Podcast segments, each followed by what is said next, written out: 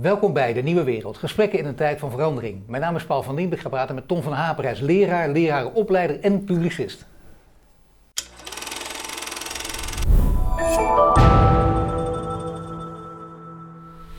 Tom, welkom. Ja, hallo. Nou, dat is nogal weer een goede reden om over onderwijs te gaan praten. Er zijn Man, talloze man, man. onderwerpen. Het houdt Jongen, niet op jongen, gewoon. Wat een zootje. hè? Het is echt ongelooflijk. En de enige golf is nog niet geweest en de volgende komt er weer aan. Het Ja. is eh, eh, heel intens. Maar een zootje? Nou ja, kijk, het, het is inderdaad een, een puinhoop. En het is een puinhoop omdat inmiddels wel duidelijk is dat kinderen steeds minder leren op school. Ja. En dat is ook wat voortdurend blijkt. En dat is niet nu, maar dat is eigenlijk al, al 20 jaar aan de gang. Dus, als je, dus het bekende verhaal van de laaggeletterdheid onder 15-jarigen. Dus eh 2000 10%, nu 25. Ja, ik denk dat de meeste mensen niet in de gaten hebben hoe erg dat is. Maar dat betekent dus dat wij verwachten allemaal dat we langer leven, meer leren, ons ontwikkelen. Dat Ja. is ook normaal zo. Behalve bij landen in oorlog, hè, want dan schieten ze de boel kapot. Ja. Maar in het onderwijs is het dus eigenlijk hetzelfde aan de hand. Want er gebeurt precies hetzelfde. Het wordt minder en niet een beetje minder, van 10 naar 25. Dat is 15 punten. Nu zijn het natuurlijk allemaal schijnexacte cijfers. Je kunt allemaal zeggen van ja, 25%, wat is dat nou precies en wat stelt het voor? Maar je moet toch enige houvast zoeken in data en ehm, daar ook weer niet te, te, te streng in zijn. Maar het gaat wel echt slechter, want er zijn heel veel van dat soort onderzoeken. Er zijn onderzoeken waar het blijkt dat kinderen uiteindelijk op de basisschool een aantal dingen goed kunnen en na een paar jaar voortgezet onderwijs het slechter kunnen. Het gaat met name om bijvoorbeeld het vervoegen van werkwoorden, rekenvaardigheden. Dus het wordt echt minder. En als we uiteindelijk in de fase terechtkomen dat kinderen op school geen dingen bijleren, maar dingen, meer dingen afleren, ja, dan is de shit wel aan, denk ik. Dus, ja, eh, nu kun je wel zeggen, wat je nu zegt, dat is in zekere zin de basis. Hè? Daar moet je altijd naar teruggaan. Dat zie je bij elk onderwerp, denk ik ook. En dat is het belangrijkste. Wat je ook zegt en wat je ook doet met je geld en met je, met je ideeën, dit is de basis. Daar moet, daar moet je het over hebben. maar, maar luister, even heel duidelijk. Algemeen vormend onderwijs gaat over eh, dat wij doorgeven wat Ja. van waarde is. Ja. Dus dat kinderen leren wat ze moeten leren, zodat we elkaar verstaan. Dus in de sporen waar langs wij met elkaar communiceren, taal, dus zeg Nederlands, Engels, getallen, wiskunde, rekenen, eh, wie we zijn, waar we vandaan komen, eh, geschiedenis, maatschappijleer. Uit elk onderzoek blijkt dat in dat stuk kinderen steeds minder leren. Dus dan hebben we het helemaal niet over wat ze bij scheikunde of bij andere dingen, wat, waar hun belangstelling meer ligt. Maar in die kern wordt echt steeds minder geleerd. Er is laatst een onderzoek geweest waaruit bleek dat kinderen eigenlijk ook niet zo goed meer weten wat democratie is en hoe dat hier eruit ziet. En dat dat met name dan op VMBO erger zou zijn dan op VWO. Ja, Volwassenen, weten het ook vaak niet. Hè? Dat Nee. hebben we gezien in al die affaires achter elkaar. Nee, maar, maar dat is wel een taak van het onderwijs. Dat wij snappen Ja. hoe we onze samen... Want, want we kunnen anders wel praten. Maar als we elkaar niet verstaan, dan worden we uiteindelijk gewoon gewelddadig. En beginnen te roepen en te schreeuwen. En dat is ook wat je precies ziet. Maar dat is natuurlijk te, te zot voor woorden. We, we snappen het gewoon niet meer. Dus logisch dat er veel geld naar het onderwijs toe gaat. En Ja. wat dacht je opeens? Kijk eens even, 8,5 miljard zeg. Allemaal voor het onderwijs om de corona-achterstanden in te halen. En toen vond ik heel interessant, en voor jij natuurlijk ook, de Algemene Rekenkamer, die meestal achteraf met conclusies komen en, en het vingertje opheffen, en terecht vaak. Die zeggen nu van tevoren al, oh, maar wacht even, eh, wat gebeurt eigenlijk met dit geld? Is dat weer voor geinige ideetjes, eh, voor mooie gebouwen waar je beleid kan maken? Of is het, eh, gaat het naar algemene middelen, ook iets heel vaaks? Of gaat het naar leraren en leerlingen, waar het voor bedoeld is? Ja, het is echt te zot voor woorden. Ik heb meteen dezelfde dag eh, toen, eh, want daar kan het snelst bij Joop een stuk gepubliceerd. Van, eh, nou, dit is echt heel bizar. Als je naar die 8,5 miljard kijkt, moet je het wel even opsplitsen, vind ik. Ik vind die regelingen voor het hoger onderwijs, dat komt dus van mevrouw van Engelshoven, die snap ik wel. Dus daar zit geld bij voor bijvoorbeeld promovendi, die last van corona hebben en meer tijd nodig hebben om hun promotie Ja. af te maken. Nou ja, dat moet je gewoon betalen. Ja. Dus dat is heel die eh, collegegeld waar je betaald hebt en geen onderwijs hebt gekregen, eh, dat moet je compenseren. Dat is een duidelijke. Dus die gelden, die snap ik. Maar die 6 miljard voor het PO en VO, dus voor het algemeen vormend onderwijs.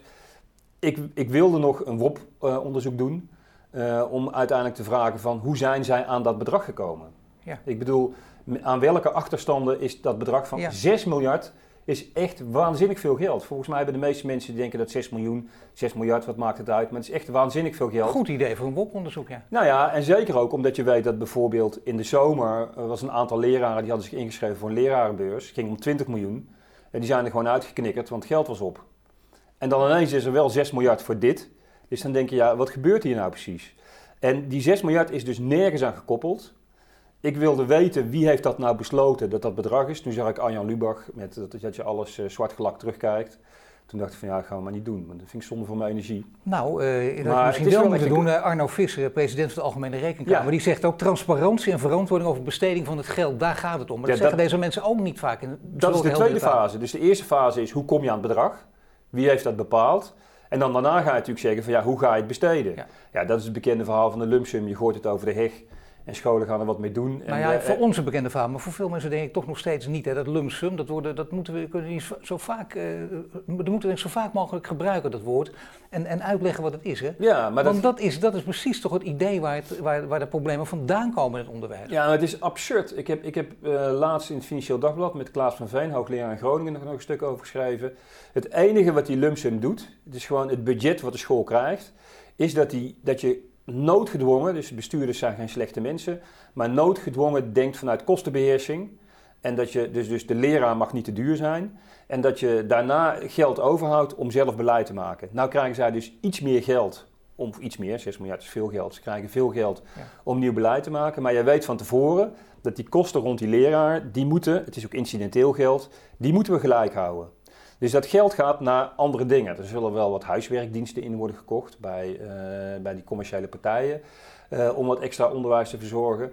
En verder is het gewoon God zegene de greep. Want niemand, die besturen zijn eh, autonoom, noemen zichzelf ook maatschappelijk ondernemer. Dat is lump sum, daar gaat Dat het is wat de lump sum doet. Ze En- mogen zelf bepalen met Precies. geld wat ze doen. Ze denken dat ze ondernemer zijn, maar ze hebben geen bedrijf, ze hebben geen aandeelhouders. En geen ze risico. spelen ondernemers. Zij spelen geen eigen rekening en risico. Het is een toneelstuk. Ja. En, eh, en zij gaan gewoon in hun coterie wat praten van, eh, weet jij iets tegen achterstanden? En dan is er altijd wel een partij die zegt, voor geld wil ik daar wel iets aan doen. En, dan, eh, en, en dat is per definitie eh, niet en dan gaat dat geld dus naar, tussen aanhalingstekens, de geinige dingetjes. En dan gaat er weer, komt er weer een groepje die wat bedenkt, of dan gaan ze weer wat leuks bedenken. Of dan ga je zeggen, dan laat je mensen zingen over achterstand, ik noem even iets Ja. cynisch. Maar, dat, maar niet naar leraar en leerlingen, waar het voor bedoeld is. Nee, want, maar de ene, de ene partij zal er misschien best iets goeds mee doen en de andere weer niet. Dat weten we dus niet. Dat is in essentie de kwestie. Dat is ook wat de rekenkamer zegt. We weten dat helemaal niet. En het is gewoon allemaal persoonsgebonden en intuïtief. Dus niet op basis van wat we weten van het onderwijs. Er is nou een, een, aantal wetenschappers heeft een OMT opgericht om daar dan iets van te zeggen. Verwacht er niet te veel van. Waarom niet? Nou ja, die schoolbesturen die doen op zich wat zij willen. Die zullen zeggen van, eh, los van het feit dat het een vrij select groepje wetenschappers is. eh, ook in de wetenschap is niet iedereen het met elkaar eens. Dus dat is wel een verhaal op zich, denk ik. Maar dat je uiteindelijk zult zien dat, ja, dat geld verdampt gewoon zoals het met alles. Een voorbeeld wat, wat heel goed hierbij aansluit, om het uit te leggen, dat zijn de ventilatiemiljoenen. Dus de er is, ventilatiemiljoen. ja, dus in, eh, ik schreef in augustus een stuk, in september over corona. Toen uiteindelijk werd er in september werd er besloten van, nou, we maken een paar honderd miljoen vrij om de ventilatie eh, bij scholen te verbeteren. Nou, we gaan worden binnenkort gevaccineerd, mag ik hopen. Aan die ventilatie is nog steeds niks gedaan. Dus op het moment dat het heel urgent is, verwacht je dan van, nou ja, dan lossen we dat ook op. Ja. Hè, dat we zo goed mogelijk naar school kunnen. Ben je mal man, het geld is allemaal weer kwijt en weg. En niemand weet wat er Toch verbaas je over, dan zou je toch zeggen, op alle scholen lopen leraren rond, er lopen leerlingen rond. Die leerlingen hebben ouders, die hebben ook macht, die worden boos. Die zeggen, dit kan gewoon niet meer, zo er niet erop. Ja, maar die, die constructie verstikt. Ik bedoel, die is er sinds 1996 in het VO. Dus uiteindelijk heb, is er in het begin heel vaak gezegd, zijn er ook veel incidenten geweest. Uiteindelijk heeft het ook geleid tot eh Dijsselbloem en Rinoy Kan met Ja. twee grote rapporten in 2007 en Hele 2008. kritische rapporten. Heel duidelijk Ja. en heel duidelijk van Ja. dit werkt niet. De leraren worden steeds lager geschoold, zijn steeds lager geschoold. De kwaliteit van de leraar is bepaald wat kinderen leren. Dus daar moet je iets aan doen. En, eh, en toen is daar ook geld voor vrijgemaakt. En het scholingsniveau van leraren is gewoon verder doorgezakt. Dus wij weten gewoon dat in die constructie het altijd zo is, tenminste alle voorbeelden bevestigen dat, dat de resultaten tegengesteld zijn aan de doelstelling. Dus dat die rekenkamer er nog zo lang over gedaan heeft om dat eh, te zeggen, eh, is eigenlijk vrij treurig. Want eh, ja, ik kon de dag erna het stukje al schrijven namelijk. Nee, dat is heel treurig, maar ja, eh, beter laat dan nooit, eh, kun je dan zeggen. Eh columnist die er ook voortdurend op hamert is Aleid Truijens, Mhm. die ook zegt, als het over bestuurders gaat, die hekelt ook altijd die lump sum, precies dit systeem wat jij nu beschrijft, ondernemertje spelen. En zij zegt, de schoolbestuurder is geen ondernemer, geen werkgever, loopt geen risico waar we het over hadden. Ze zegt ook, als je twee ton wil verdienen, dan moet je dat gewoon gaan doen, anders blijf je de sukkel op de werkvloer, hè, een beetje cynisch. En ze zegt ook, ze krijgen wel een coronabonus, ook nog van 4000 Ja, euro. ja, ja, ja, ja. Wat vind je daarvan? Ja, nee, het is natuurlijk hetzelfde verhaal. Ik bedoel, die mensen hebben het voor het zeggen. Ik bedoel, het zijn feodale constructies geworden, die schoolbesturen. Met een vorst en een, en een hofhouding. En als je dat zegt, is het weer zo polariserend. Maar dat, dat, is het, dat, dat is feitelijk zo. En die houden het meest van de mensen die dichtbij hun staan. Dus als er geld is, gaat het ook eerst altijd daarheen. Ja. Eh, door daar nog een extra werknemer aan te nemen in de verantwoording enzovoorts. Ja, ook dat is het bekende verhaal. Er zijn 200.000 uh, leraren tegenover 2 miljoen kinderen. En toch krijgen we het niet voor elkaar om die 2 miljoen kinderen fatsoenlijk les te geven. Ja, hoe bizar wil je het hebben? Nou ja, het is heel bizar. Het is een, eh, het is een boodschap die uh, ja, door veel mensen wordt bekritiseerd. jij bent niet de laatste, je doet het ook al jarenlang en zo. Het is ook zwaar frustrerend als er echt niks verandert. Hè? Ja. bedoel, als het al zo lang bestaat, als er hele goede argumenten tegen zijn. Jij praat ook vaak met bestuurders. En bestuurders zijn, uh, we kunnen ook, het zijn, ook, er lopen heel veel goede bestuurders rond. Mensen met hersens die wat kunnen. Kun je die mensen dan niet overtuigen? Kun je daar niet een beetje. Nee, mensen kunnen niet anders. Die zitten, in die, die zitten ook in die constructie. Die zitten daar gewoon in, die zijn ook gegijzeld. Het is gewoon een slecht huwelijk. De relaties zijn vergiftigd. En uh, in een slechte relatie ga je uit elkaar en begin je ergens anders opnieuw. Uh, of niet. Ik bedoel, uh, en, en, en, en in die vergiftigde relaties kunnen zij kunnen vaak helemaal niet anders. Het zijn geen slechte mensen. Ik bedoel, ik, ik heb niks tegen, tegen Maar zijn er bestuurders die bijvoorbeeld jouw verhaal ook onderstrepen? Die zeggen wat, jij nu hier zegt aan tafel, die zeggen Ton, ik kan het nooit hardop zeggen, maar je hebt wel gelijk. Nee, zij zeggen altijd van, uh, op het moment dat ik zeg van er wordt steeds minder geleerd op school en ik leg dat uit en ik overleg die onderzoeken en ik zeg dat is toch niet goed. Ik zeg en dat heeft te maken met de kwaliteit van de leraar en, dat, en dan zeggen ze altijd van, ja, dat, dat klopt. En dat zou ook goed zijn, investeren in de kwaliteit van de leraar. Maar daarna komt dan het verhaal, hoe investeer je in de kwaliteit van de leraar? En dan zeggen zij van, ja, ik moet wel mijn budget beheersen. Ik moet ook uh, mijn hofhouding betalen. En uh, ja, dan schieten helaas, leraren zijn er heel veel van. Dus als je voor leraren iets regelt, kost het echt heel veel geld. Dus bijvoorbeeld, wat zou helpen, is een maximum aan de klasgrootte. Dus dat je zegt, we maken die klassen toch wat kleiner. Als je graag wil dat je de ontwikkeling van die kinderen volgt, moet je ze wel kennen. En als ik gewoon lesgeef en ik heb zes uur op een dag, zie ik 180. Je moet aan mij niet vragen aan het eind van de dag, uh, hoe is de ontwikkeling van Kees die het uh, derde uur had, want ik weet vaak niet eens wie het is. Dus, dat, dus, dat is uh, dus iedereen weet dat. Ja. maar op het moment dat zij daar vanuit hun budget in, in moeten ingrijpen, dan zeggen zij van ja, dat kan ik eigenlijk niet betalen. Maar dan verschuilen ze zich natuurlijk wel weer heel gemakkelijk achter het systeem. Ja, maar dat is, het en het is ook lekker om op dat plusje zitten, want je verdient veel meer dan een leraar. Ja, maar het is een verdeel- en heersysteem. Dus de overheid heeft die lumpsum bedacht, omdat ze dan weten dat ze op hun begroting elk jaar een vast bedrag hebben. Dat vast bedrag verdelen ze onder die schoolbesturen. En op dat moment zijn je overheidsuitgaven onder controle. Dus de politiek heeft zijn probleem opgelost. Dus stel dat die schoolbesturen zouden zeggen, uh, die van Haper heeft gelijk en, en zijn medestanders ook. Wij gaan zorgen dat die leraren veel beter gaan betalen, dat er kleinere klassen komen. Dan heb je de pop aan het dansen, dan wordt de schoolbestuurder ontslagen. Nee, maar, maar die schoolbestuurder zegt natuurlijk dan van ja, ik, ik wil het best met Van Haper eens zijn. En ik snap ook best wat hij zegt. En hij heeft ook wel een punt inhoudelijk. Maar dat moet nou ineens politiek uh, Nederland maar regelen, want dat kan ik zelf niet. Dus de probleemeigenaar, de maatschappelijk ondernemer, zo gauw als er echte problemen zijn, rent hij als een, uh, als een kleuter op het plein die ruzie heeft met iemand, rent hij ook naar de juffrouw en zegt los mijn probleem op. Dat doen zij ook. Zij rennen dan naar Den Haag en zeggen ja geef maar geld. En dan geeft Den Haag vaak nog geld ook. Want zo gaat het namelijk in het spel. Dus de elites, ja, dat vind ik zo'n vervelend woord, dat woord elite. Maar, nou, dat, nou, maar de, als het waar is mag je het gebruiken. Ja, maar het, het klinkt altijd zo vijandig of zo. Maar, uh, maar, maar het, het, kartel, de elites. Het, maar het is wel zo, zij, zij overleggen met elkaar, uh, maken dan geld los. En dan uiteindelijk uh, ja, verdwijnt dat weer, net zoals die, uh, die 6 miljard die naar het uh, algemeen voor Maar jij wilt het op een gegeven moment toch, je bent nog steeds vrij jong natuurlijk, hè, maar jij wilt het op een gegeven moment toch tijdens je werkende loopbaan meemaken dat het verandert. Zit ja, dat er nog in? Ik, ik, ik denk, nou, even zonder flauwekul, het einde van de lumpsum is onvermijdelijk. Echt. Dat is toch? Dat kan niet anders. Het kan niet, het, dit kan zo niet door blijven gaan. Ik kan me niet voorstellen, iedereen ziet het falen. En je merkt ook dat er wel verschuivingen gaan te zijn. Dus, dus bijvoorbeeld D66 heeft toch in het programma staan van dat ze het liefst uh, de scholen rechtstreeks willen betalen en niet de besturen. Dus ja. op dat moment haal je eigenlijk de, uh, ja, de slagkracht van het bestuur haal je weg. Lumsum soort van falend onderwijs. Ja, dus, dus eigenlijk is iedereen het daar wel over eens. Uh, nou, je... iedereen? Nee, wacht even. Nou, D66. Maar heb nee, je de Kamermeerderheid daarvoor? Nou, ik, ik denk dat, dus aan de linkerkant bij SP, Partij van de Arbeid, D66 zelfs bij het CDA er nog wel wat te praten valt. Hoewel het CDA koppelt dat natuurlijk ook aan die vrijheid van onderwijs. Dus die koppelen, dat, dat is echt de domste redenering ever. Hè? Dus dat je het beheer en de, in, en de inrichting aan de scholen zelf laat. Maar goed, dat is even uh, een ander verhaal. Maar ik denk dat je wel een, een eind kan komen. Maar met name VVD zal uh, altijd tegen zijn. Want die, uh, ja, die noemen dat eigen verantwoordelijkheid, maar dat is dus niet zo. Want juist die lumpsum haalt het, want jij, jij vraagt net, waarom komen mensen niet in opstand? Omdat ze murf zijn en die eigen verantwoordelijkheid ook niet meer nemen. Dat is wat het systeem doet. Speelt partijen tegen elkaar uit. Uh, na drie keer knokken en weer op je gezicht krijgen ben je wel klaar. Nee, dit slaat natuurlijk meer, dat is net als in de zorg ook. Hè. Op, veel, op veel gebieden zie je dat, ja, dat kun je ook wel zeggen, je, kan, je kunt daar ondernemen gaan, maar je speelt het ondernemen. Jij zegt zelf heel treffend, het is een toneelstukje, dus het heeft niks met echt ondernemen te maken. Want het gaat altijd over echt eigen rekening en risico. Dus dat kun je veranderen, is een Kamermeerderheid ook nog voor. Dus je zegt, nou, het einde is ook in zicht dus. Nou, ik denk dat... Uh, het is onvermijdelijk. Ja, het, het, het, het, einde is onvermijdelijk, maar op het moment dat je, merk je bij heel veel politici... Um, een enorme angst voor het alternatief.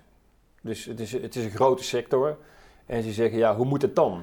En, uh, en dat, dat vind ik wel een beetje apart. Want, uh, Heb je ook al heel vaak gezegd? Uh, het kan anders. Andere landen doen het ook anders. en ook beter. wij hebben het ook beter gedaan. als je kijkt naar de periode 1945, 1975, zie je dat vanaf, nou, ik denk de begin jaren 60 het onderwijs een hele prettige, gelukkige sector met hoge arbeidssatisfactie was. Ja.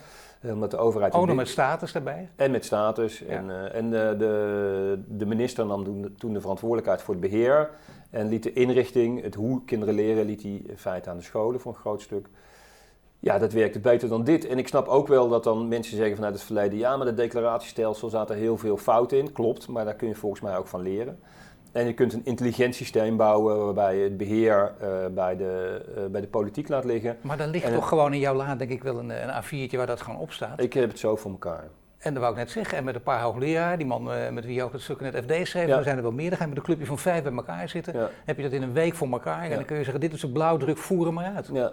Nee, dat is echt geen enkel probleem. Ik heb het ook vaak opgeschreven. Het is niet zo moeilijk. Je, doet gewoon, je haalt gewoon de, de loon uit de lumsum je stopt ze in de ambtenarenschalen. Je beloont ontwikkeling van leraren. Als je meer studeert en meer leert, krijg je beter betaald. Ja. Kunnen we dat niet een keer, Ton, even vier van die mensen of zo, waar jij een van bent, hier ja. op deze tafel zetten en gewoon hier die blauwdruk neerzetten in drie kwartier? Ja, en, die, nee, de video dan even toesturen naar de, de nieuwe minister? Ja, zou geen... Nee, maar serieus. Nee, serieus zou dat is gewoon echt, dat, dat werkt heel vaak zo. Dan denken ze, oh ja, daar hoeven we niet over na te denken, dit is een goed idee. Mogen ze zich op schieten?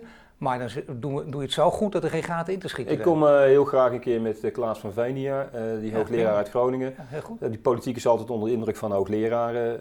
bij mij hebben ze altijd iets van, heb je die hardroeper weer? En, maar dan zetten we een hoogleraar naast, dat is altijd goed. En, en, en, die kan het ook zo uitleggen. Zo ingewikkeld is het niet. Ja. Nou ja, dan, nee, maar dan kunnen we zo'n blauwdruk daarvoor gaan schetsen. Dat lijkt me helemaal goed. Gewoon echt een kant-en-klare video die we naar het ministerie toesturen. Kijken wat er gebeurt. Dat lijkt me een goed idee, ja. Nou is er nog iets. Uh, op heel veel scholen zie je ook die denken, nou ja, dit is nu eenmaal het systeem. En de kanton die kan wel roepen dat het onvermijdelijk is. Maar inderdaad, het is nog niet in zicht. Dus wie weet hoe lang het nog duurt. En ik wil toch dat mijn kinderen goed onderwijs krijgen. Ja. Dat willen we allemaal. Ja. Dus degene, en dan krijg je weer het probleem van de ongelijkheid. En dan zie je die bijlesindustrie. Want daar gaat het goed mee, hè. Als je toch bijlessen geeft, nou, dan word je snel rijk. Ja, ja. Nee, dat is, ik, ik schreef in 2011 een stuk NRC Handelsblad dat het helemaal uit de hand liep met die uh, huiswerkinstituten. Dat is tien jaar geleden. ja. Ik denk van ja, nou ja, dan komt er iets van regulering. Of ik werd ook uitgenodigd bij de Vereniging van Huiswerkinstituten.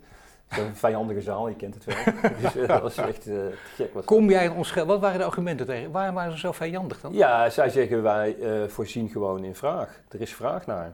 Mensen willen dit. Je kunt ons niet kwalijk nemen dat wij mensen geven wat ze willen.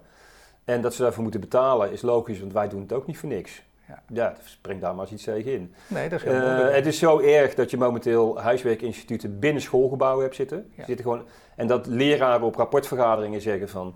Nou, die doet het niet zo goed. Uh, het lijkt me het beste dat hij uh, naar de huiswerkklas gaat. En dat dan uiteindelijk dus die ouders extra betalen voor de huiswerkklas binnen school. En ja, het zijn vaak ook dezelfde leraren die er ook nog lesgeven. Ja, dat komt ook nog eens oh, voor. dat komt nog voor. En uh, terwijl het natuurlijk echt niet mag. Hè. Dus dat is, is, volstrekt dat je zelf je kinderen voor je eigen ja, school bijles geeft. Is, natuurlijk totaal is absurd. het absurd. Dus wat mij betreft komt daar eh, wet en regelgeving op. Dat, je, uh, dat ze in ieder geval zeker niet in de school zitten. En, uh, en, dat, en dat je ook scholen verplicht. Want dat is natuurlijk het ding wat je krijgt. Die scholen kiezen ook voor hun eigen winst. Ja. Want dat doet een slechte constructie. Die lumpsum is, is met die vergiftigde relaties zorgt ervoor dat iedereen voor zijn eigen winst gaat. Dus die leraar zegt met die klas van 32 ook, ja, die, die en die, ja, dat is, dat, dat is niks. Maar daar ga ik geen tijd in steken. Die gaat het maar halen hier bij uh, een gang verderop bij, uh, bij het Huiswerkinstituut. Ja. ja, en met als gevolg dat dat allemaal betaald en geregeld wordt. En die ouders doen dat.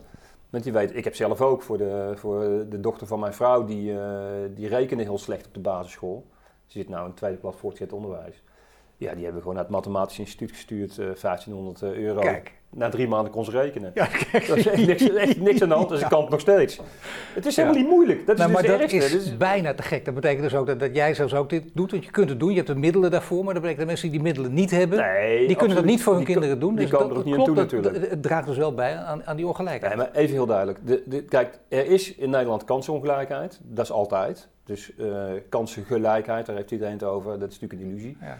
Eh, allemaal mensen die wonen ergens. Iedereen heeft zijn eigen toestanden en dingen. Tuurlijk. En dat is allemaal niet makkelijk. Maar het is natuurlijk wel de bedoeling dat eh, het algemeen vormend onderwijs streeft naar zo gelijk mogelijke kansen. Ja.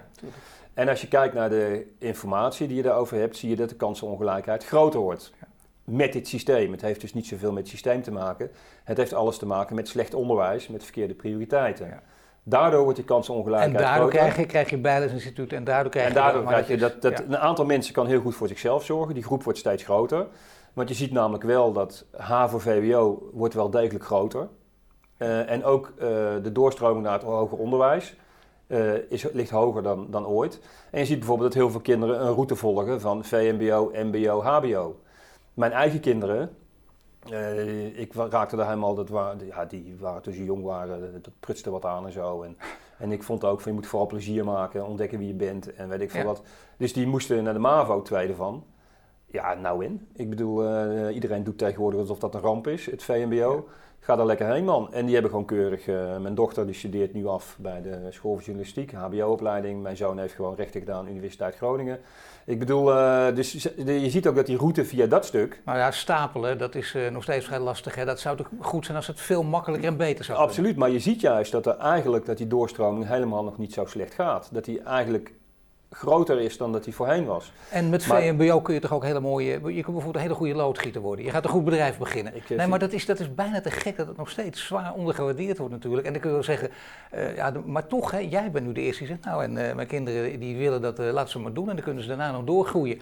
Maar ze kunnen ook een eigen bedrijf beginnen bijvoorbeeld heel goed. En daar heel goed geld mee verdienen. Ja. Wat zou daarvan moeten gebeuren om dat eens een keertje te veranderen in de maatschappij? Nou ja, wat je, wat je natuurlijk hebt, is dat eh, veel ouders het gevoel hebben dat eh, VMBO's eh, onveilig zijn. En omdat het, dat daar nogal veel incidenten zijn. En, ja, en dat ze daarom iets hebben. Ik heb liever niet dat mijn kind daarheen gaat. En ehm, nou, ik wil ze wel even uit een droom helpen als het gaat over drugsgebruik en ellende en zo. Dat komt toch echt in alle Dat schooltypen wou ik voor. zeggen, zeker. En, eh, dus, eh, maar dat, dat is ook een beeld wat er is. Maar er is niks mis met de VMBO. Maar ik snap wel eh, dat ouders iets hebben. Ja, zo'n heel groot VMBO waar alles door elkaar loopt. daar heb ik eigenlijk niet zo trek in. En, Zou dat beter zijn, om dat te verbeteren? Is dat beter dan bijvoorbeeld eh, iets aan de terminologie doen, wat Marianne Zwageman deed? En noem het praktiserend onderwijs. Nee, maar Marianne Zwageman weet er niks van. Die, die snapt dat helemaal niet. Ik Leg even uit, nee, kijk, die, die onveiligheid van die VMBO's, die kun je wel oplossen, maar dan eh, moet je gewoon een wat strikter beleid op die scholen voeren, zodat uiteindelijk daar de orde ook gehandhaafd wordt en dat iedereen weet wat zijn plek is. Eh, je kunt ook wat dingen doen met kleinschalige constructies, zodat, eh, dus de dochter van mijn, mijn vrouw zit nu op een eh categorale MAVO.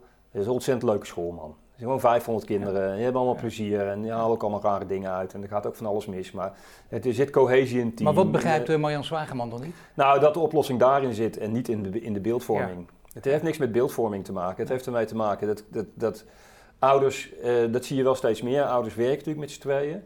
Je ziet het ook met die coronatoestand. Die willen dat hun kind naar school gaat en daar ook is. Ja. En daar willen ze het liefst zo weinig mogelijk van horen. En Ja. dat er wel een diploma komt. En dan eh, zijn zij er ook klaar mee en kunnen zij zich richten op hun werk. Dat is wat je momenteel heel sterk ziet. Zag je bijvoorbeeld bij, ik weet niet of je het gezien hebt, maar minister Hoekstra die heeft van de week verteld dat eh, middelbare scholen ehm, na de meivakantie open gaan. Ja, bij de familie Hoekstra liggen er waarschijnlijk een paar op de bank niet zoveel te doen is. Je was zat gewoon. Dus eh, minister Slop heeft daar trouwens niks over gezegd. Dat geeft een beetje... Die zegt nooit ergens iets over. Nee, maar die, komt dus altijd, die, die ligt altijd te snurken. Die, eh, ik, wordt ik die, weet niet waar die mee bezig is. Maar Ja. in ieder geval, daar zie je dus dat probleem van. Die zeggen, ja, die scholen moeten open, want die kinderen moeten weg hier. Ja. Dat is het eh, ding. Maar dan moet het op school wel veilig en ordelijk zijn. En die school heeft ook een verplichting. Maar en toch zijn- hangt, dat, hangt dat niet, eh, dit, dit- hier heb je natuurlijk gelijk in, maar hangt dat toch niet samen met beeldvorming? Want er zijn natuurlijk genoeg ouders die het ook liever niet vertellen op een feestje toen je er nog naartoe ging. Waar zitten mijn kinderen op? Dat willen ze toch allemaal roepen, ze zitten op. Ze hebben eigenlijk, eigenlijk HAVO-niveau, maar ze zitten op het gymnasium, of op het ateneum. ben ik niet, eens, niet mee eens, Paul. Ik denk dat de, de, meeste, de meeste ouders, er zijn natuurlijk wel van die idioten die denken, mijn kind moet persen naar het VWO, want ik heb hè, recht gestudeerd in Leiden, dus dat moet mijn kind Heeft Martje van der Brug toch een geweldig boek over geschreven? Jawel, dat bestaat wel, dat, dat bestaat wel. Maar ik denk dat op zich... HAVO is geen optie. Zij woont in Wassenaar, in die kringen ja. speelt dat enorm natuurlijk. HAVO is geen optie voor mijn eigen kind. Nou, maar ik denk ook wel dat ouders toch ook wel willen dat hun kind uh, gelukkig wordt. En uh, dingen doet die hij wel kan. En niet voortdurend bezig is met dingen die hij niet kan. Ja. En het is aan scholen, omdat... Daar heeft Zwageman wel een beetje gelijk in. Het is aan scholen om dat uit te leggen. Dat je, als je naar het VMBO gaat, ook daar echt iets leert... En dat het een zinvolle opleiding is en dat het niet een kwestie van van de straat houden is. Maar dat kinderen daar andere dingen leren die ook zeer gewaardeerd worden in deze samenleving. Nee, maar natuurlijk, als in allerlei artikelen wel voortdurend het afvoerputje wordt genoemd, is dat er niet zo fijn. Ja, dus zorg dat het goed gaat. En vooral wat je zegt, orde, structuur, dat al die ouderwetse termen, die moeten natuurlijk daar worden toegepast. Nee, maar dat is ook zo. Ik bedoel, ik hoor te vaak uh, van VMBO's... Uh, waarbij het toch met name op het VMBO nogal uh, ongericht is en waar kinderen ook de baas zijn op school een beetje. Ja, dat Moet, maar er zijn ook heel goede VMBO's waarbij ze dat wel keurig geregeld hebben. Ja, en waar het heel ordelijk verloopt en waar die kinderen ook daadwerkelijk iets leren. Maar dan ben je toevallig afhankelijk van bijvoorbeeld een hele goede directeur die zelf wat opzetten. Er zijn, er zijn wel wat, mooie voorbeelden van bekend. En leraren die daar ook dan. je moet dat met elkaar doen. En, uh, maar ik ken ook heel veel. Uh, er, zijn, er is een enorm HAVO-probleem in Nederland. Dus op 4 HAVO blijft tussen de 20 en de 25 procent zitten. 4 HAVO is de enige heterogene klas uh, die je hebt in Nederland. Hè, want ze komen binnen van 3 VWO, 3 HAVO, ja. doubleurs, 4 MAVO. En dat vinden leraren kennelijk heel moeilijk. Dat is voor de mensen die zo graag een brede brugklas willen wel even goed om nou, te weten, denk zelf. De onderwijsraad die dat zegt, die moeten naar 4 HAVO kijken. Dat is interessant. Die, die ontkennen dat of die, die zijn er helemaal niet mee bezig. En, uh, en dat loopt dus heel slecht. En je hebt echt ook hele slechte HAVO's, waarbij je ook ziet dat kinderen op 4 HAVO blijven zitten, op 5 HAVO zakken en dan pas een diploma halen. Uh, dat is natuurlijk van een treurigheid ja. waar je toch nee, dat is, wordt. Maar hoe zit het dan met die, want dan komen we dan vanzelf op de onderwijsraad, kwam met dat idee. Daar hebben we inderdaad de onderwijsinspectie nog niet uh, heel hard naar buiten over horen oreren. De onderwijsraad heeft dat nog geroepen. Ja. Die hebben gezegd, driejarige brugglas, grote nieuws afgelopen week. Ja. Geen goed idee dus. Nou, kijk, op zich ben ik er helemaal niet op tegen om wat later te selecteren. Maar er zijn wel een paar opmerkingen die erbij kan maken. De eerste is, wij selecteren misschien wel vroeg, maar die doorstroming gaat steeds, die gaat steeds omhoog. Dus zo heel erg is het ook weer niet. In de tweede plaats is er inderdaad kansenongelijkheid, uitsluiting aan de onderkant. Maar dat komt door slecht onderwijs. En die selectie begint al in groep 3. Want in groep 3 van de basisschool werken ze met een leerlingvolgsysteem, met niet gebonden of niet methodegebonden toetsen heet dat. En die toetsen toch wel heel erg ook uh, waar je vandaan komt, uh, je intelligentie uh, ja. en dat soort dingen. En, en niet wat je echt leert in de klas. En, uh, ja, en dan zie je al dat dat uit elkaar gaat lopen. Dus het begint al heel vroeg. Dus het, het, het, verhaal van wij selecteren op 12-jarige leeftijd en, uh, uh, en, en dat uh, veroorzaakt heel veel problemen. Dat is volgens mij een misconceptie. Omdat namelijk dat selecteren veel eerder begint. Ja. Dat tegelijkertijd een groep is die heel goed voor zichzelf kan zorgen en keurig doorstroomt naar waar ze willen dat ze heen gaan. Dus, en, en dat er inderdaad een groep is die we uitsluiten door slecht onderwijs. Dus je moet het onderwijs beter maken. En er is nog één punt wat ik heel belangrijk vind. Kijk, de onderwijsraad zegt niet alleen een brede brugklas, maar zegt ook differentiëren. Ja. Dus dat je, en dat is gewoon de VO-raad-agenda. Uh, die willen gepersonaliseerd onderwijs. Dat kinderen hun eigen leerroute hebben. Maar voor leraren is dat veel moeilijker. Dus ik denk niet dat als. Heb je dus ook hele andere en veel meer leraren voor nodig? Dat ja, kan maar, niet zo, maar dat kan niet met de huidige leraren. Ja, maar even om, om mijn punt te maken. Dus als je aan de ene kant constateert dat kinderen steeds minder leren op school, te beginnen in groep 3, ja. uh, dan moet je niet denken dat als je het werk voor leraren ingewikkelder maakt, dus dat ze allemaal moeten zien hoe kinderen zich apart ontwikkelen, dat dan die kinderen meer gaan leren. Dus je, je komt met een stelselverandering die het echte probleem helemaal niet oplost. Sterker nog, verergert. Ja. En dat vind ik uh, niet zo heel handig van die onderwijsraad. En ik weet ook wel hoe het komt. Want er zitten namelijk uh, twee wetenschappers in die onderwijsraad. Herman van der Werforst en Eddie Denissen. Dat zijn uh, ja. onderwijssociologen. die weten helemaal niks van lesgeven. Nee. En die kijken naar die stelsels en die kijken naar de data en vergelijken die dan met het buitenland. En zeggen dan van ja, in het buitenland wordt in een ander stelsel misschien wel meer geleerd. Ja, dat klopt. Maar dat kinderen minder leren hier, dat hebben ze niet geanalyseerd. En dus het is een beetje een. Uh... Ja, maar dat zien we vaker. Die onderwijsdeskundigen die hebben natuurlijk heel veel onheil veroorzaakt uh, op scholen. Zelf uh, geen enkele ervaring, niet weten wat het is. Dat zie je vaak aan directeuren ook. Je hebt hier aan tafel ook dus geroepen. De beste leraar moet eigenlijk directeur zijn, moet hij wel kunnen managen, dat is wel handig. Ik bedoel, daar, ja. daar mogen sommigen er ook al dan echt geen worden. Hè? Want het kan best dat je dat niet kan.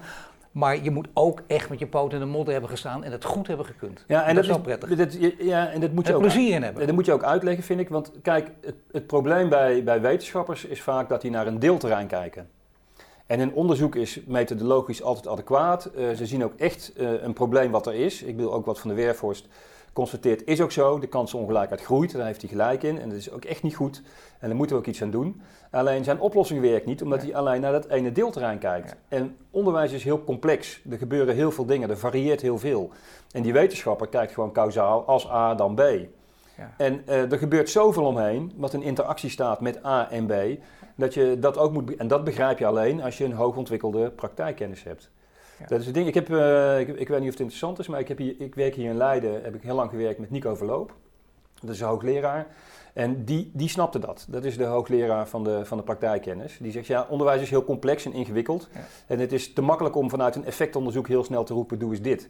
En het is eigenlijk vergelijkbaar met een umpire bij een, uh, bij een tenniswedstrijd. Die zit hoog op een stoel, kijkt naar beneden. Die kan keurig roepen of de bal in of uit is. Dat klopt. Maar als hij, wil, als hij een uitspraak wil doen over hoe je het spel verbetert, moet hij wel eerst kunnen tennissen. Ja. En, dat, uh, en, en, dat verschil... Dat maakt het wat lastiger. Nee, dat is uh, heel duidelijk uitgelegd. Ja, dat is, ik begrijp hoe het in die lessen van jou toe gaat. je snapt het meteen, hè? Dat is wel fijn, ja. Er is er nog iets. Kijk, um, je hebt natuurlijk ook uh, de onderwijsinspectie, die kwam ook met een rapport. Die hebben een nieuwe inspecteur-generaal, Alida Oppen, ze kende haar nog niet. Ik heb even naar het cv gekeken. Dus iemand die echt alleen maar op ministeries gewerkt heeft. Hè? Ministerie dit, ministerie dat, ministerie dat. Ook niet iemand waarvan je denkt, nou die is gek op onderwijs. Die wil dat mensen er plezier in hebben, dat het beter wordt. Nee, dus een bureaucraat. Ja. En, uh, die, uh, en, en wat ik uh, eigenlijk, waar ik niet zo vrolijk van word met die inspectie, is dat die nou al jaar in jaar uit zo'n staat van het onderwijs presenteren met heel veel bombardie. Het lijkt wel alsof ze één dag in het jaar werken. Ja. Dat is dan. En dan, deze keer stond die mevrouw stond een beetje infantiel met de schoolbel te rammelen. En, ja. en, en dan, ja. ja. die gaat dan vertellen, het was weer niks dit jaar. En dat doen ze elk jaar. Dat, ik bedoel, de vraag hoort te zijn, wat heb jij daar eigenlijk aan gedaan het afgelopen jaar? het wordt tijd dat de inspectie eens geïnspecteerd wordt. Ja. En dat we zeggen van ja, het, het is aantoonbaar zo dat nogal wat scholen een loopje nemen met de opdracht die ze krijgen van de maatschappij, zoals die vertegenwoordigd wordt door de politiek. Het is de taak van de inspectie om dat te constateren en daarin bij te sturen. En mensen ook te zeggen van dat gaan we veranderen. Het bekendste voorbeeld is dat VMBO in Maastricht. Ik weet niet of je dat verhaal nog kent. Nou, die, die, die, lieten alle kinderen op examen gaan. Maar dat mocht niet, want ze hadden hun schoolexamen oh, nog niet af. Ja. En uh, toen moesten uiteindelijk die examens werden verbeurd verklaard en moesten ze dat inhalen. En dan ineens wordt er zo, komt er zo'n maand. Dat helpt dus niks meer. Je kunt die kinderen gewoon een diploma geven, want het is al gebeurd namelijk. Maar het gaat natuurlijk om dat je in het traject daarvoor ingrijpt. En zij hebben pas ingegrepen nadat ja. uiteindelijk een leraar wanhopig gebeld heeft. Luister nou eens, er zijn al zoveel brieven gestuurd over wat hier niet klopt. Er gaat hier zoveel mis. Maar weten jullie wel dat de dadelijk kinderen uh, geen legitiem examen krijgen? Want zij gaan op examen zonder dat ze een schoolexamen af hebben. En toen pas zei die inspectie, we gaan erheen. Ja. Maar zij krijgen voortdurend van dit soort berichten. Maar ook de inspectie, als je wil inspecteren, moet je ook weten waar het over gaat. Dan moet je verstand van zaken hebben. Nee, maar... zijn er genoeg mensen in die inspectie die verstand van zaken hebben, die weten wat ze moeten inspecteren? Nee, die, die inspecteurs, ja, ze zijn ook ontzettend onderbezet. Dus uh, ze zijn met te weinig. Ook nog. Uh, in de tweede plaats is de inspectie vooral communicatie met de probleemeigenaar, maatschappelijk ondernemer, uh, met het bestuur. Ja, het bestuur heeft op papier de boel echt altijd op orde. Nee, ja.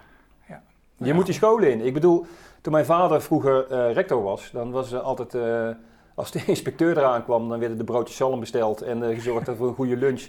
En de tafels recht gezet en iedereen brak de pleuris uit. Want, oh jee toch. En, Nog steeds zo? Nou ja, ze komen bijna niet meer op school. Ja, en als ze al komen, is het toch precies hetzelfde weer. Dan is het nog steeds dat toneelstukje en ze trappen erin, want ze weten niet wat er aan de hand is. Is het niet hoog tijd om dan, in die, ook al zijn ze onderbezet, daar meer mensen bij die inspectie, maar dan ook dus goede mensen die weten waar het over gaat. Die, ja, maar ze, hebben wel, ze hebben wel Kijk, als de inspectie bijvoorbeeld constateert dat een school zwak is, dus dat doen ze wel, hè. Ze, gaan wel ze gaan wel eens op de school, als ze dan de kijken naar die cijfers bij het bestuur, En dan denken ze, oh, de doorstroming van 4 naar 5 HAVO is niet oké. En dan blijven ook nog veel kinderen zakken. Ja, nee, dan gaan ze wel kijken. Ja. En dan komen er ook wel mensen met een onderwijsachtergrond die Ja. gaan kijken wat er gebeurt. En dan, eh, maar ja, wat ik al zei, het minder leren van kinderen is zo prominent aanwezig.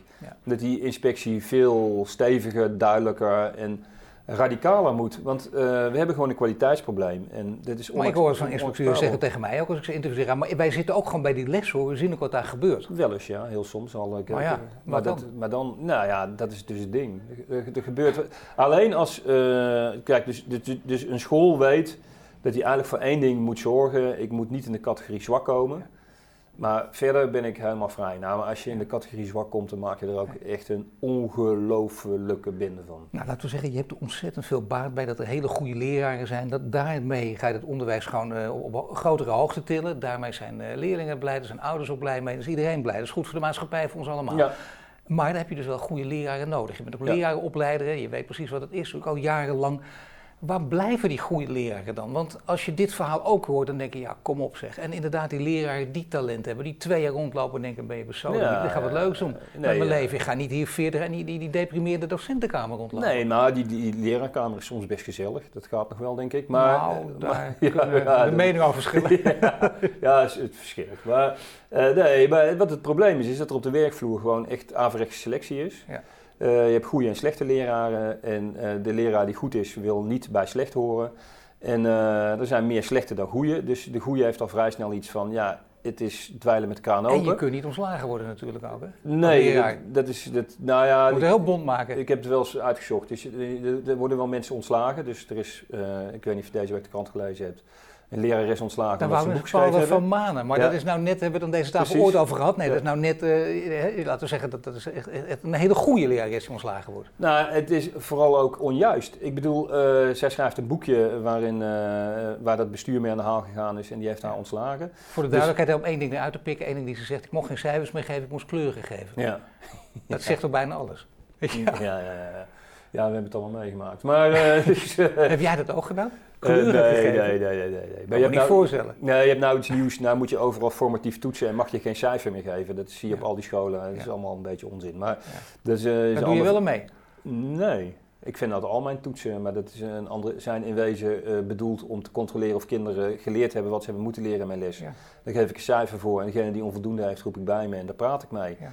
Dus die geef ik, zoals het hoort, feedback Ja. en eh, leg ik uit hoe hij zich kan verbeteren. En bij de volgende toets roep ik hem van tevoren bij me en zeg van, vertel me, snap je het nou? En dan haalt een keer, daarna haalt hij een fatsoenlijk punt en ik sla hem op je schouders. En hij lacht en we zijn blij. Dus zo moeilijk, zo moeilijk is het allemaal niet. Dus dat is, maar dat voorbeeld van. Vermanen is natuurlijk, je ziet dat leraren wel ontslagen worden eh, vanwege ehm, een relatie met een leerling natuurlijk. Ja. Daar gaat iedereen tegen. Seks is een, een heel, heel, heel heftig onderwerp tegenwoordig.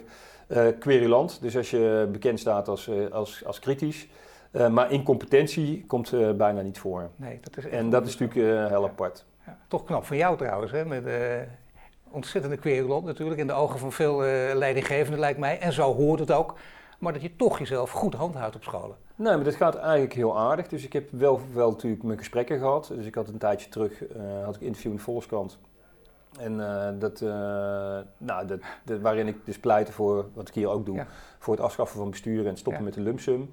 Ja, toen moest ik wel even bij het college van bestuur komen en hebben we een gesprek gehad. En, eh, en dat, ja, dat verloopt eigenlijk altijd heel aardig. Dus dat, dat gaat eigenlijk wel goed. Ik heb dan dit- zijn ze het ook met je eens. nou, dan, dan valt het me ook wel op dat ze mij, tenminste ja, ik denk dat ik wat intelligentere mensen tegengekomen ben dan, Pa- dan dat Paula van Manen tegengekomen is.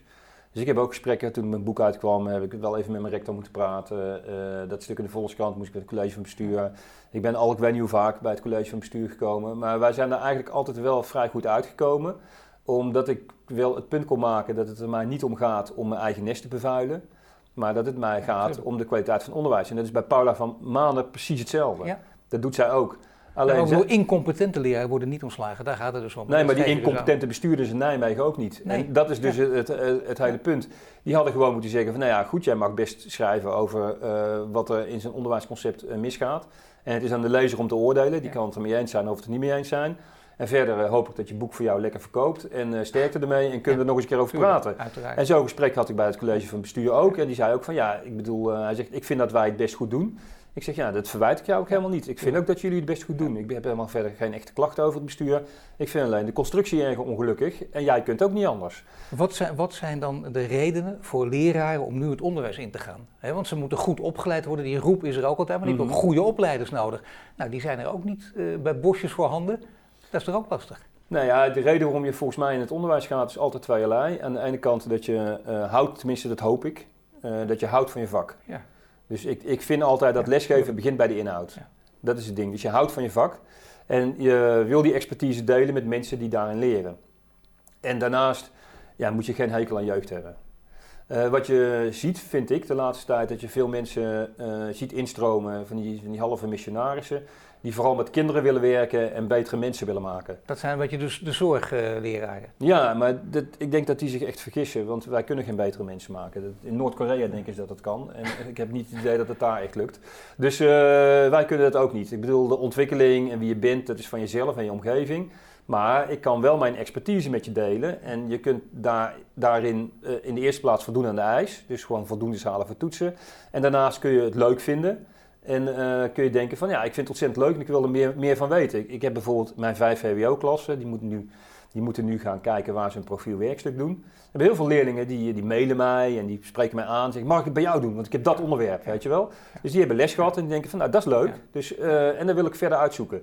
Nou, dat is het mooie van het leraarschap. Dus zij leren in economie, we hebben fijn contact. Uh, ik maak geen betere mensen. Zij mogen zijn wie ze zijn. Ik ben uh, wie ik ben. we houden ons fatsoen.